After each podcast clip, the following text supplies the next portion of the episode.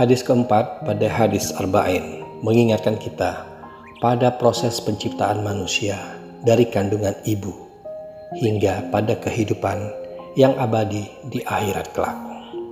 Dunia hanyalah tempat sementara. Seperti seorang musafir, seorang yang telah dilahirkan oleh ibunya sedang berjalan menuju sebuah kampung. Dalam perjalanannya, ia mampir sebentar sekadar berteduh, mengambil nafas, dan menguatkan diri agar dapat melanjutkan perjalanan kembali. Dunia ini ibarat tempat berteduh menuju kampung yang abadi, yaitu akhirat. Di ujung persinggahan kita itulah akan menentukan ke mana kelak langkah mengarah. Kehidupan abadi dalam kenikmatan atau menyengsarakan. Surga atau neraka. Dari Abu Abdirrahman Abdullah bin Mas'ud, ia berkata, Rasulullah Shallallahu Alaihi Wasallam telah menceritakan kepada kami dan beliau seorang yang jujur lagi diakui kejurannya. Sesungguhnya, seseorang dari kalian dikumpulkan penciptaannya di perut ibunya selama 40 hari dalam bentuk sperma. Kemudian menjadi segumpal darah selama itu pula. Kemudian menjadi segumpal daging selama itu pula. Kemudian diutus seorang malaikat kepadanya untuk meniupkan ruh padanya dan diperintahkan empat kalimat menulis rezekinya, ajalnya, amalnya, dan celaka atau bahagia. Demi Allah, yang tidak ada sesembahan yang berhak disembah selain Dia. Sesungguhnya seorang dari kalian benar-benar beramal dengan amal penghuni surga hingga jarak antaranya dan surga hanya sejengkal. Lalu takdir mendahuluinya, lalu dia beramal dengan amal penduduk neraka, lalu ia pun memasukinya. Dan sesungguhnya seorang dari kalian benar-benar beramal dengan amal penduduk neraka hingga jarak antaranya dengan mereka hanya sejengkal. Lalu takdir mendahulunya, lalu ia beramal dengan amal penduduk surga, maka ia pun memasukinya. Hadis ini diriwayatkan oleh Bukhari dan Muslim. Menurut An-Nawawi, dalam syarah hadis Arba'in, hadis ini berisi dalil tidak bolehnya memfonis masuk surga atau neraka. Meskipun ia melakukan semua jenis kebaikan atau sebaliknya hanya melakukan kefasikan. Seorang tidak boleh puas dengan amalnya atau merasa bangga dengannya karena dia tidak tahu apa penutupnya. Setiap orang seharusnya terus-menerus memohon kepada Allah, mati dalam husnul khotimah dan berlindung dari kesusahan yang buruk yaitu su'ul khotimah. Jika dikatakan Allah berfirman dalam Al-Quran surah Al-Kahfi ayat 30 yang artinya sesungguhnya mereka yang beriman dan beramal saleh tentulah kami tidak akan menyia-nyiakan pahala orang-orang yang mengerjakan amalannya dengan baik. Zahir ayat ini adalah amal soleh dari orang yang ikhlas diterima oleh Allah. Jika amalannya telah diterima sesuai janji zat yang maha pemurah, maka dengan begitu ia terbebas dari su'ul khotimah.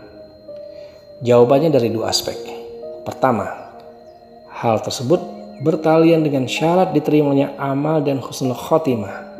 Barang siapa yang beramal dan ikhlas, maka amalnya tidak akan ditutup kecuali dengan kebaikan selamanya. Kedua, su'ul khotimah hanya berlaku bagi orang yang buruk amalnya, yaitu orang yang beramal tapi dicampuri dengan ria atau suka pamer dan sum'ah ingin didengar atau diketahui. Sebagaimana hadis Rasulullah Shallallahu Alaihi Wasallam yang artinya sesungguhnya ada dari salah seorang kalian benar-benar melakukan amalan ahli surga dalam apa yang nampak pada manusia. Hadis ini diriwayatkan oleh Bukhari. Maksudnya, amalannya memang tampak baik di mata manusia, namun batinnya atau hatinya rusak dan nista. Salah satunya beramal demi mendapatkan kemuliaan dan kemasyuran di mata manusia. Dalam syarah Al-Nawawi, Imam Ibnu Daqiq berkata, ini jarang terjadi pada manusia atau bukan sebuah perbuatan yang dominan. Perubahan manusia dari keburukan menuju kebaikan sangat banyak. Namun, perubahan dari kebaikan menuju keburukan sangat jarang. Segala puji dan karunia bagi Allah atas hal itu. Ini senada dengan firman Allah. Sesungguhnya rahmatku mendahului kemurkaanku. Dalam riwayat lain, mengalahkan kemurkaanku. Syekh Ibnu Usamin berkata dalam hadis tersebut mempunyai beberapa faedah, antara lain. Satu, menjelaskan empat fase penciptaan manusia dalam perut ibunya. Pertama, fase sperma 40 hari. Kedua, fase segumpal darah selama 40 hari. Ketiga, fase segumpal daging 40 hari. Keempat, fase peniupan ruh. Kedua, janin sebelum empat bulan tidak dihukum sebagai manusia hidup. Seandainya ia gugur sebelum genap empat bulan, maka tidak dimandikan, tidak dikafani, dan tidak disolatkan. Ketiga, jika ia gugur setelah empat bulan, maka dia dihukumi manusia hidup sehingga wajib dimandikan, dikafani, dan disolatkan. Keempat, dalam rahim ibu ada malaikat yang ditugaskan meniupkan ruh. 5. Sebelum bayi lahir, sudah dicatat rezekinya, amalnya, ajalnya, serta sengsara atau bahagia.